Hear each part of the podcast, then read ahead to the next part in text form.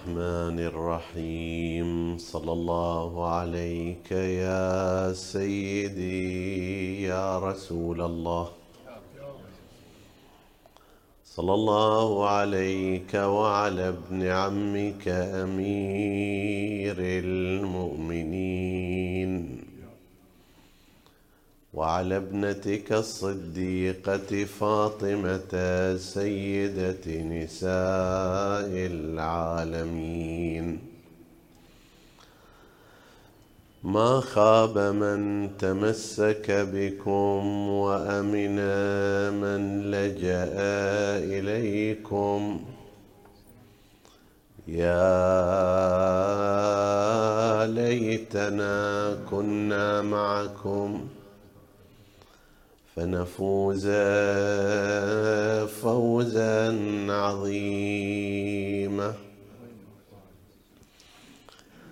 سقاك الحيا الهطال يا معهد الإلف ويا جنة الفردوس دانية القطف. فكم مر لي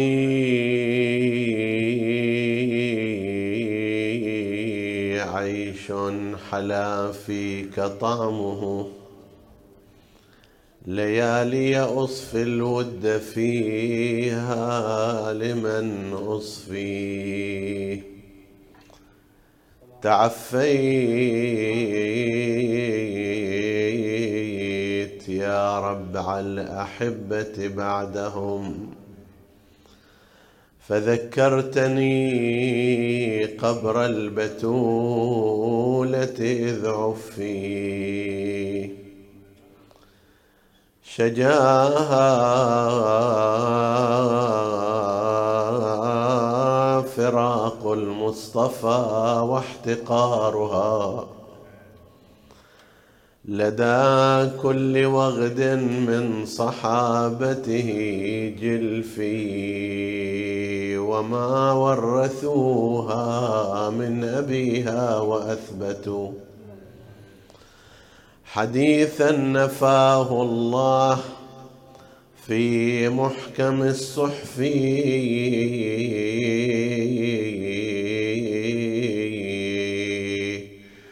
فآبت وزند الغيض يقدح في الحشا.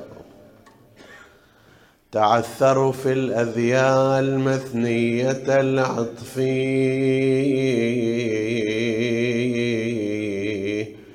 وجاءت إلى الكرار تشكو اهتضامها.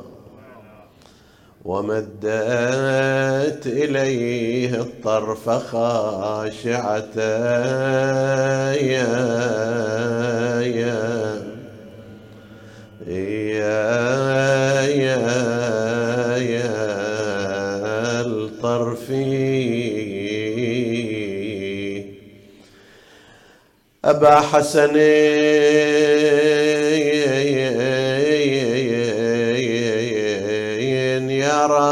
راسخ الحلم والحجاب أبا حسن يا راسخ الحلم والحجاه إذا فرت الأبطال خوفا من الزحف.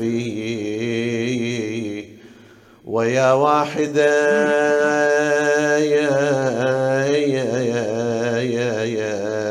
أفنى الجموع ولم يزل. بصولته في الروع يأتي على يا يا يا يا يا الألفي أراك تراني والعدو وصحبه يذيقونني ما لا أطيق من الخسف ويلطم عيني نصب عينيك يا علي. ويلطم عيني نصب عينيك ناصب العداوة لي. بالضرب مني يستشفي فتغضي ولا تمضي بسيفك آخذا بحقي ومنه اليوم قد صفر. يا يا يا. يا يا. تكفي. لمن اشتكي إلا إليك ومن به ألوذ وهل لي غير بيتك من سقفي وقد اشعلوا النيران فيه وأسقطوا جنيني فوا ويلاه منهم ووالفي وما برحت مظلومة ذات علة تؤرقها البلوى وظالمها مغفي إلى أن قضت مكسورة الضلع مسقطا جنين لها بالضرب. مسودة الكتف لكنما الأمر لله. لا حول ولا قوة إلا بالله العلي العظيم. وسيعلم الذين ظلموا أي منقلب ينقلبون. والعاقبة للمتقين. عطروا مجالسكم بذكر محمد وآل محمد. فضلوا مولانا الشيخ. اللهم صل على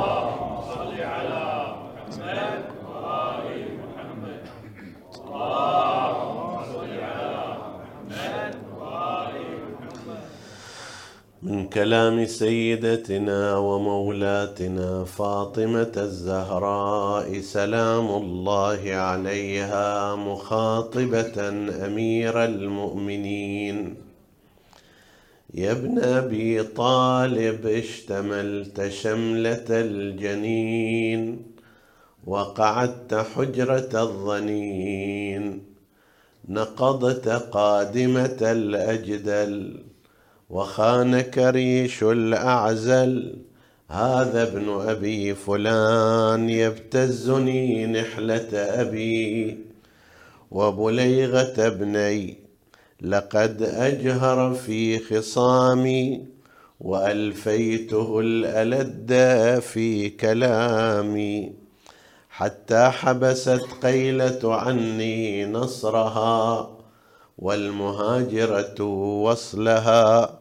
وغضت الجماعة دوني طرفها فلا مانع ولا دافع. خرجت كاظمة وعدت راغمة. أضرع أضرعت خدك يوم أضعت حدك. افترست الذئاب وافترشت التراب. ليتني مت قبل هنيتي ودون زلتي. ويلاي في كل شارق ويلاي في كل غارب. مات العمد ووهن العضد شكواي إلى ربي وعدواي إلى أبي. فأجابها أمير المؤمنين عليه السلام نهنه عنك يا ابنة الصفوة وبقية النبوة.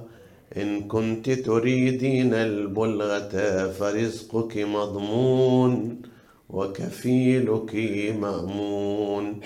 فقالت عليها السلام حسبي الله ونعم الوكيل. هذه الفقرة من حيث معانيها وقعت موردا للخلاف في إمكان صدورها عن الزهراء عليها السلام أمام أمير المؤمنين صلوات الله وسلامه عليه. واضح في معناها حالة من التشكي. اشتملت شملة الجنين مثل ما الجنين تشتمل عليه الثياب وتخفيه أو لا في داخل الرحم وقعدت حجرة الظنين. الظنين هو المتهم. متهم عادة ما يطلع قدام الناس وإنما يختل في مكان يقال له حجرة الظنين. نقضت قادمة الأجدل. الأجدل هو الصقر أو النص أو النسر. من الطيور الجارحة القوية له في جناحه جهتان من الريش خمسها الصوب وخمسها الصوب اللي في المقدمة القوادم تسمى. هذه مثل جناح الطائرة تقريبا اللي هي ترفع الجسد مال النسر أو الصقر إلى الأعلى والريش ريش الأعزل هو الريش البسيط اللي في الخلف يعتمد الصقر والنسر في طيرانهما على قوة هذه القوادم اللي فيها أشبه بمثابة عضلات الإنسان. يقال لها قادمة وقادمة الأجدل يعني قوادم النسر أو الصقر التي ترفعه إلى السماء. لكن خانك ريش الأعزل ذاك العصفور مثلا أو الطيور التي ليس فيها إلا ريش بسيط لا قوة فيه كأنما الخطاب موجه أنت اللي كنت بهذا المستوى الرفيع من الشجاعة والقوة لكن تلك الطيور الصغيرة البسيطة لم تستطع عليها. إلى أن تقول صلوات الله وسلامه عليه شو القضية هذا ابن أبي فلان يبتزني نحلة أبي وبليغة ابني.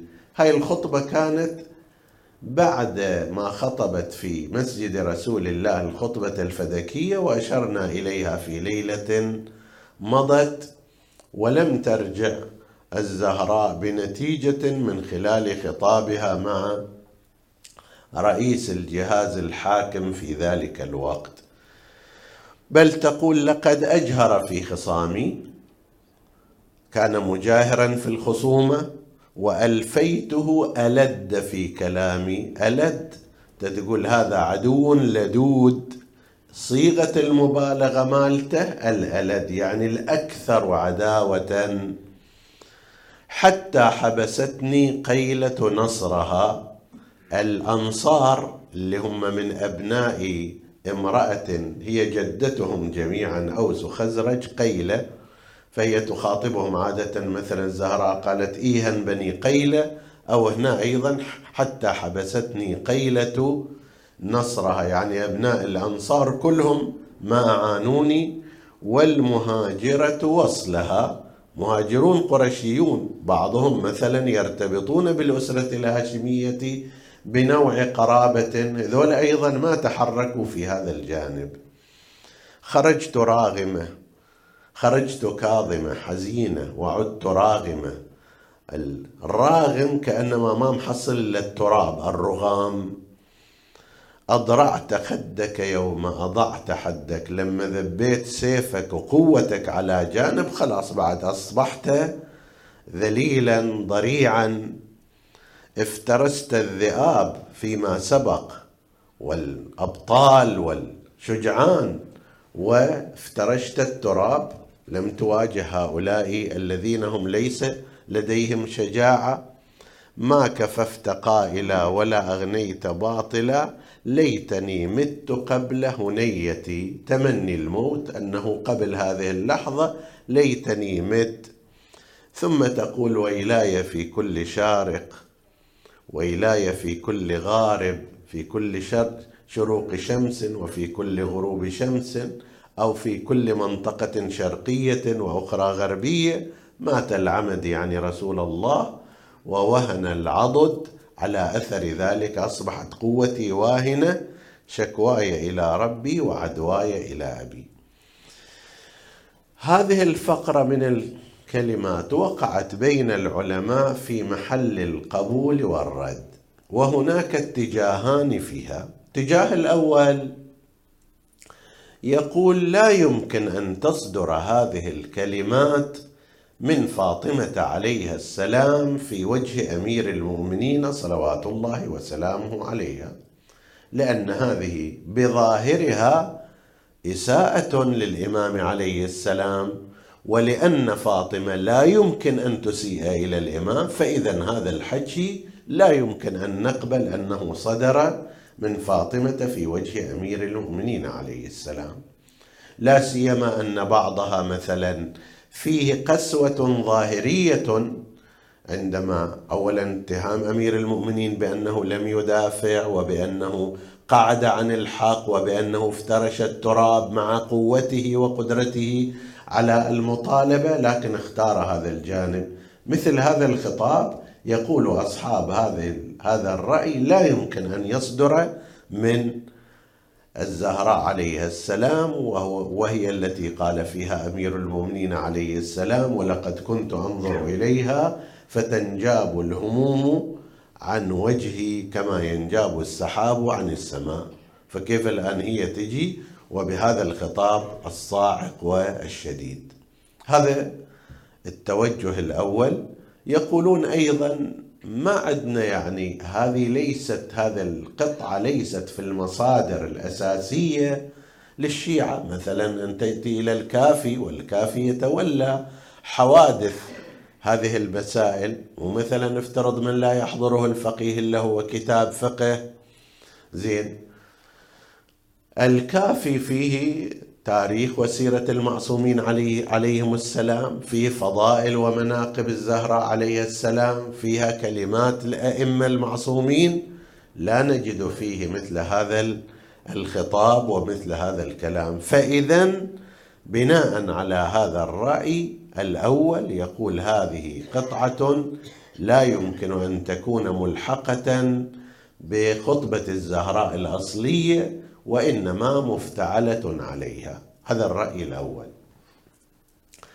الرأي الثاني الذي هو الرأي المشهور عند الإمامية وعند, المت... وعند المؤرخين منهم يقول لا لا مشكلة في ذلك إذا تم معرفة جهة الكلام. اولا هم يقولون يعني أصحاب الرأي الثاني الذي ينتهي إلى أنه لا مانع من صدور هذا النص من الزهراء عليه السلام. يقول لك هذا ثابت هم موجود في بعض مصادر السنة. مدرسة الخلفاء وموجود في مصادر الإمامية. أما في مصادر غير الشيعة فقد ذكره ابن أبي طيفور صاحب بلاغات النساء. هذا رجل كان أديب وكان ينتقي في كتابه هذا الخطب من النساء الأكثر بلاغة ومتوفى سنة 280 هجرية يعني بعيدة بعيدة عصر غيبة الغيبة الصغرى بشيء قليل من الوقت. زين 280 هجرية يعني قبل شيخ الصدوق وقبل الكليني وقبل وفاتهما. فهذا من مصادر مدرسة الخلفاء. ثبت هذه باعتبارها نصا أدبيا بليغا. مو باعتبار هو يعتقد بها لا هذا نص أدبي بليغ. ومن الإمامية ذكرها الشيخ الطوسي رحمه الله شيخ الطائفة المتوفى سنة 460 هجرية في كتابه الأمالي.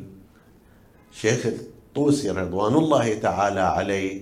فعلا كان شيخ الطائفة لكثرة ما ألف.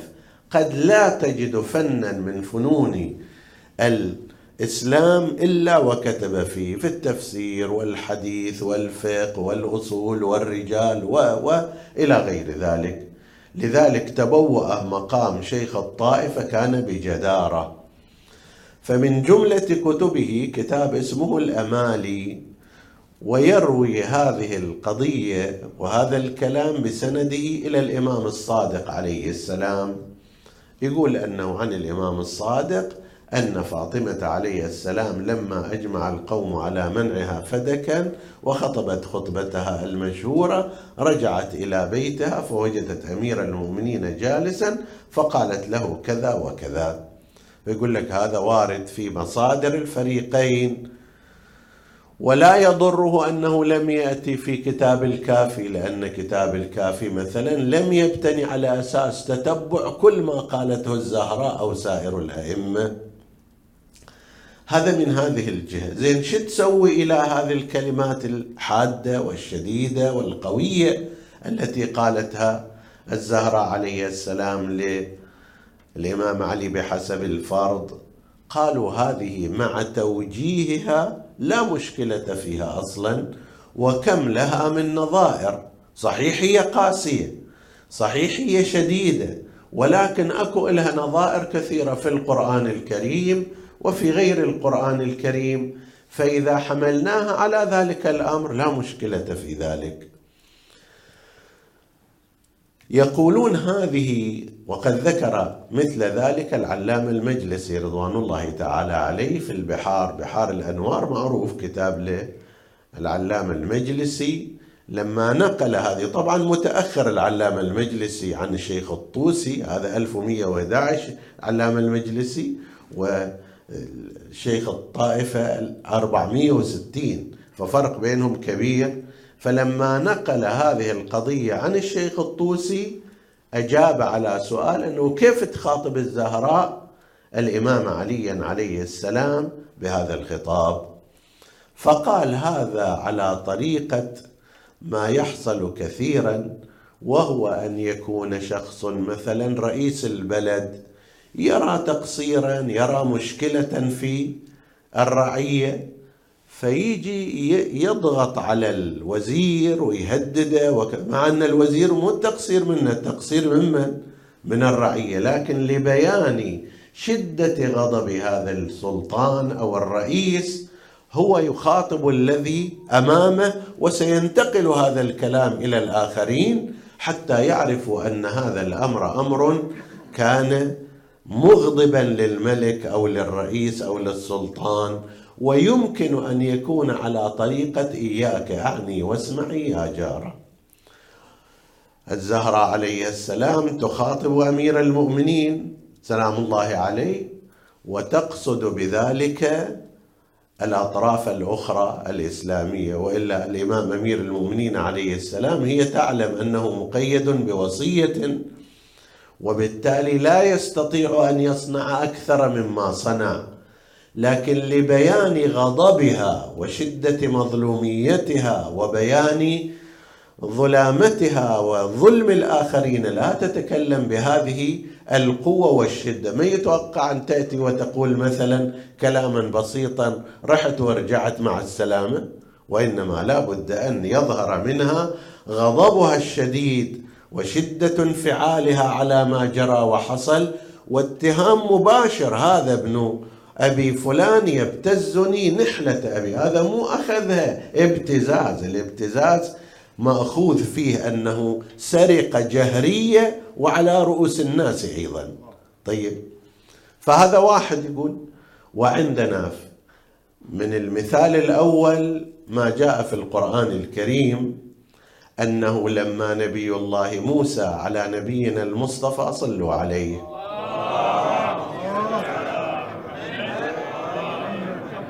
وعلى موسى السلام والصلاة لما انحرف القوم بعد أن ذهب إلى ميقات ربه موسى انحرفوا. زين. لما رجع موسى رجع غضبان اسفا وأخذ برأس أخيه يجره إليه. زين. مع أنه هارون ما كان هو المقصر ولكن لكي يبين للناس أنه غاضب للغاية مما جرى. زين.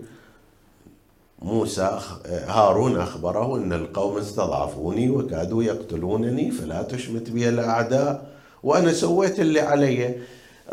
ردة فعل نبي الله موسى الشديده من الغضب والأسف أي الحزن المقرون بهذه الحالة وماخذ برأسه حسب تعبيرنا كأنما في حالة ملاكمة معه طيب. يراد منها بيان أن نبي الله موسى غاضب للغاية مما صنعه قومه وما كان التقصير من نبي الله هارون. فكأنما موسى بفعله هذا يشير إلى عظمة جريمة أولئك. في هذه الحالة أيضا فاطمة عليها السلام تعاتب عليا بهذه الكلمات ليس المقصود منها علي وإنما المقصود منها اولئك المخالفين. هذا أحد التوجيهات. فإذا كان كذلك علي ليس مقصودا ليس فيها نوع من التهجم والتجني عليه ليس فيها ما يخالف عصمتها ولا ما يخالف عصمته. طيب ولا ما يخالف عصمته ابدا وإنما الأمر طبيعي. أحد أساليب التعبير طيب أحد أساليب التعبير هو هذا النحو أن تخاطب شخصا والمقصود غيره. وهذا عند العرب كثير جدا. القرآن الكريم مستخدم هذا المعنى ولقد أوحي إليك وإلى الذين من قبلك لئن أشركت ليحبطن عملك معقول القرآن الكريم بعد ما نزل القرآن على رسول الله وبلغ الغاية العظمى وكان أفضل الخلق يقول له ترى دير بالك إذا تشرك بالله راح نسوي فيك كذا وكذا. ليس معقولا أن يكون هذا الخطاب موجها إلى رسول الله صلى الله عليه وآله. شلون أنت مثلا ليس من المعقول أن تأتي وتخاطب مثلا أحد المراجع المتقدسين الكذا تقول له ترى دير بالك إذا تزني يقام عليك الحد. يستهجن منك هذا القول. إذا فعلا أنت موجه الخطاب لهذا الشخص المقدس والورع. لكن إذا كان هناك أشخاص آخرون يقومون بهذا الأمر ما في مانع أنت تتكلم وياه وتقصد ذلك الشخص. وهذا أمر في اللغة العربية وفي الخطاب العربي موجود. هناك توجيه آخر يقول أن الزهراء عليها السلام إضافة إلى ما ذكر أرادت أن تبقي وثيقة تاريخية صاعقة صارخة تنبه الغافلين ولا يستطيع أحد أن يمر عليها مرور الكرام. لاحظوا أنه اللي حصل أن أتباع مدرسة الخلفاء أمام غضبة الزهراء عليها السلام واحتجاجها وهم يدرون أن غضب فاطمة يعني غضب رسول الله، غضب رسول الله يعني غضب الله، غضب الله إذا حل على أحد ومن يحلل عليه غضبي فقد هوى. طيب فالآن هاي فاطمة بهذه الطريقة وأعلنت هذا الأمر في خطبتها. وحاججت وصارعت وحاولت مع ذلك مع ذلك في مصادر مدرسة الخلفاء زعموا أن فاطمة عليها السلام ما ماتت إلا بعد أن رضيت عن أولئك. صحيح في مثل البخاري بقيت هذه الفكرة أنه ماتت فاطمة وهي واجدة على فلان وفلان لكن حاول أتباع النهج الأموي أن يبتدعوا كلمات منها أن فاطمة لما راحت وتعرفت على أنه أكو هناك حديث عن رسول الله خلاص بعد افتهمت كانت مشتبهة حسب التعبير الآن افتهمت الحقائق تراجعت عن ذلك. أو أنها رضيت عنهم وانتهى الموضوع وحلت القضية بسلام. لا هنا فاطمتك يراد أن تقول بعد الخطبة جاءت من جديد سجلت خطابا ملؤه الألم ملؤه الشعور بالظلم ملؤه الاتهام المباشر الصريح أن هذا ابن أبي فلان يبتزني نحلة أبي هاي مو مو اختلاس هذه ابتزاز. اختلاس من جوة لجوة لكن هذا ابتزاز على رؤوس الناس وأن هذا هو موقفي وموقفي الحزن الشديد وإلهي في كل شارق وإلهي في كل غارب مات عمد وهن العضد شكواي إلى ربي عدواي إلى إلى أبي. أنت تصور لو أن كما قلنا قبل قليل لو أن فاطمة عليه السلام لما رجعت من خطبتها من المسجد سألها أمير المؤمنين شنو صار؟ لو قالت إليه ما صار شيء. هذا أصلا خبر لا يستحق الناقل ولو نقل لا يتفاعل معه أحد. لكن مثل هذا الخطاب بهذه الألفاظ بهذه الشدة لا بد أن يستوقف الإنسان. إما يأيد أنه صدر وإما يأيد أنه ما صدر لجهة. معنى ذلك أنها تريد أن تشهر وثيقة تاريخية قوية وشديدة اللحن شديدة الكلمات قوية المحتوى حتى أي واحد يجي تنتقل إلى هذه مثل ما الآن. الآن عملا فعلا قسم من الناس وحتى بعض المشايخ سألونا قبل حادثة قبل الأيام الفاطمية هل يعقل أن الزهراء عليه السلام تتكلم بهذا الكلام؟ هل يصير؟ شلون يصير؟ شلون ما يصير؟ هل لها توجيه؟ معنى ذلك أن هذه القطعة أدت غرضها. غرضها كان أن يستوقف كل من تمر عليه هذه الكلمات ليفكر فيها وآنئذ قد يجد الحق ويعرف أنها ظلمت وهضمت وارتكب فيها ما لا ينبغي أن يرتكب في امرأة معصومة وهي بنت رسول الله محمد.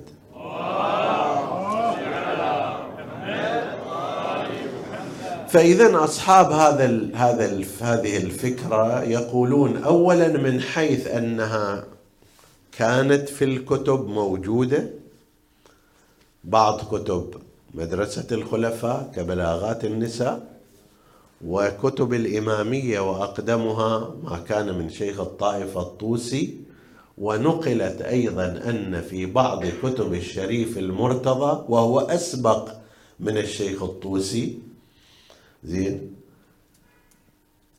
شريف المرتضى علم من أعلام الطائفة علم الهدى. أخوه جامع نهج البلاغة المعروف والسيد الرضي والشريف الرضي. لكن الشريف المرتضى كان علما في العقائد وفي الفقه وفي سائر الشؤون ويعتبر من المؤسسين في مذهب الإمامية وفي كل كثير من الفنون قيل إنها ذكرت في بعض كتبه لا سيما في تلخيص الشيخ الطوسي لكتاب السيد المرتضى وهو الشافي في الإمامة. أكو كتاب للشريف المرتضى اسمه الشافي في الإمامة. جدا كتاب قيم في موضوع العقائد وإثبات حق أمير المؤمنين وأهل البيت عليهم السلام وهو من أربعة مجلدات اختصره الشيخ الطوسي في مجلد واحد وذكر هناك هذا النص أيضا في الهامش فيقولون هذا موجود في كتاب للشيخ للشريف الراضي للشريف المرتضى معذرة وللشيخ الطوسي أيضا كذلك.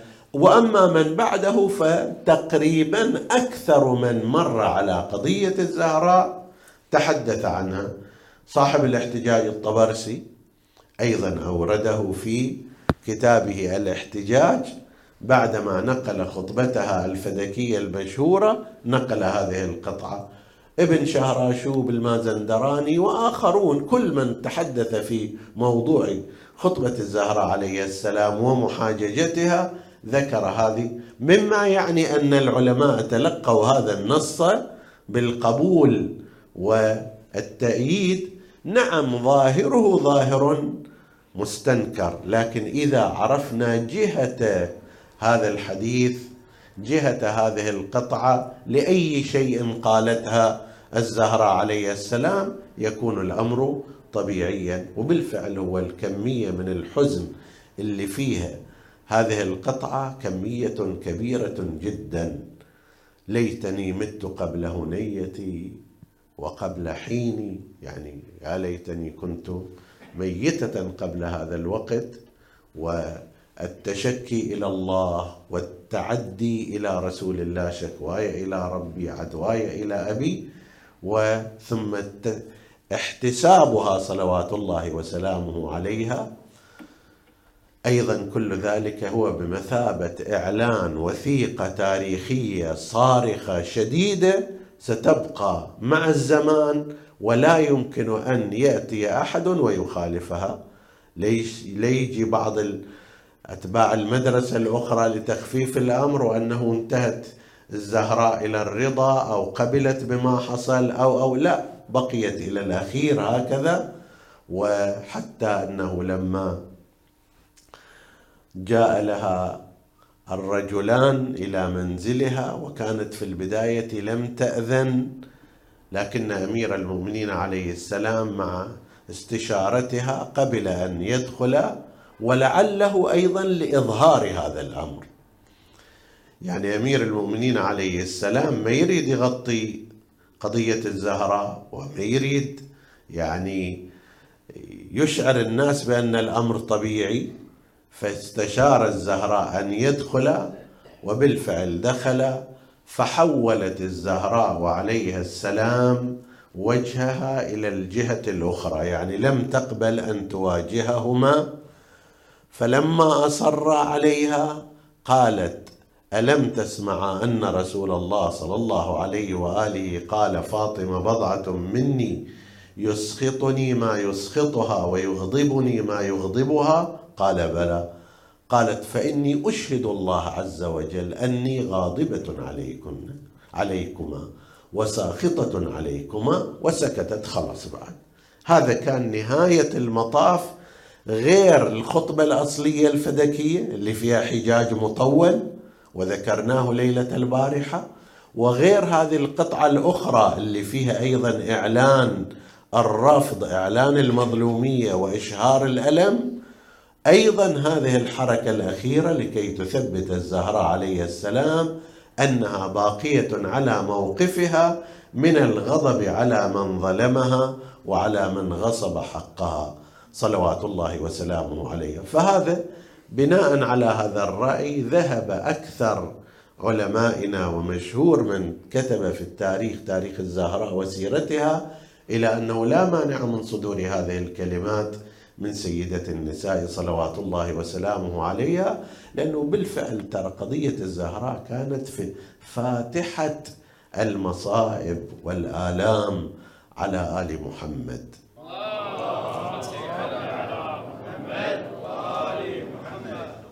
الشعر المشهور اللي ينسب قتل الحسين إلى ما جرى في ما بعد رسول الله صلى الله عليه وآله وأن الحسين أصيب في يوم السقيفة وما شابه ذلك. وهذا تمثله أيضا شعراء في هذا المعنى كأنما عقدوا مقارنة بين ما حصل للزهراء من مصائب وما حصل في كربلاء من مصائب وأن هذه الأخيرة هي متفرعة عن تلك الأولى. وصور كأنما كل اللي كان في جرى على الزهراء أيضا جرى على الحسين وعلى بنات الزهراء في كربلاء. حتى قال الشاعر في قصيدته المعروفة لولا سقوط جنين فاطمة لما أودى لها في كربلاء جنين. وهذا طبيعي ليش؟ لأن انت تاسس الأساس. إذا كان الأساس أساس صحيح سينتج أشياء صحيحة. وإذا كان شيء باطل وخاطئ تعال وهي أخبرت. قالت صلوات الله عليها أمل أمر الله لقد لقحت. هاي الفتنة لقد لقحت. فانتظروا واحتلبوا ملء القئب دما عبيطا وذعافا منقرا مبيدا. الدماء تسيل الطعام المسموم سواء الطعام الفكري أو الطعام الغذائي وذعافا منقرا مبيدا. وسطوه من الظالمين تدع فيئكم زهيدا وحبكم حصيدا. وأنا إذن ماذا نصنع لكم؟ أنلزمكموها وأنتم لها كارهون. هذا أنتم جنيتوها على أنفسكم ذاك اليوم اللي تخليتوا على عن زهراء وعن منهج أهل البيت. لولا سقوط جنين فاطمة لما أودى لها في كربلاء جنين. وبكسر ذاك الضيل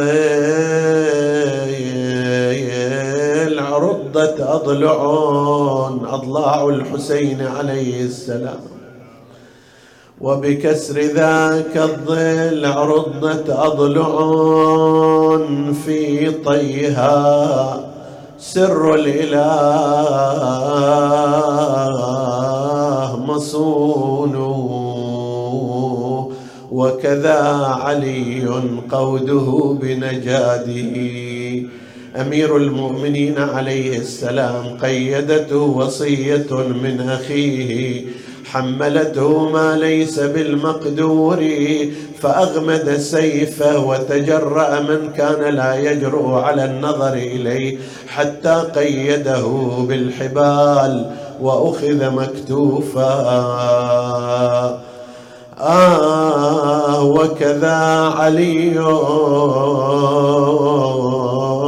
قوده بنجاده. أدنى علي آخر أيضا. هذاك صار أيضا مقيد من بلد إلى بلد. فله علي في الوثاق قرين.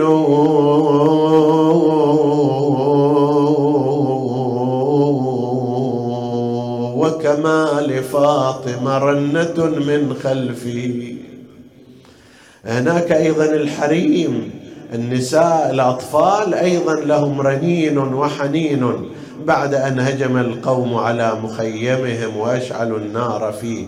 نفس إشعال النار هو فرع عن هذه. عندما جاءوا بالقبس ليحرقوا باب فاطمة عليه عليها السلام ونادى المنادي يا جماعة يا فلان إن فيها إن في الدار فاطمة. قال وإن ماذا يكون لو كان في الدار فاطمة؟ أيضا نحرقها. نفس هذه العقلية هي التي جعلت مثل عمر ابن سعد يأتي ويوقد قبسا من النار ويحرق الخيام ولا يزال الأطفال والنساء موجودين فيها. يعني هذا هو ولد ذاك الشيء.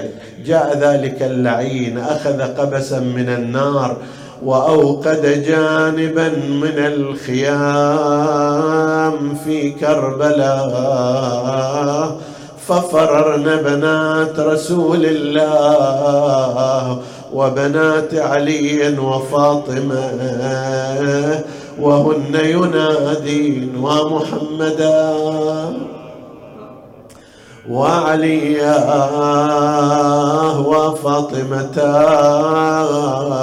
حتى أتت النار على المخيم وبقيت النساء والأطفال في العراء حتى حل عليهن الليل ولا من خيام ولا من غطاء ساعد الله قلب العقيلة زينب. هذه هم اللي شافت حريق بيت أمها في زمانها وحريق أيضا خيام أخيها في يوم عاشوراء. زينب احتارت يوم شباب الخيم نار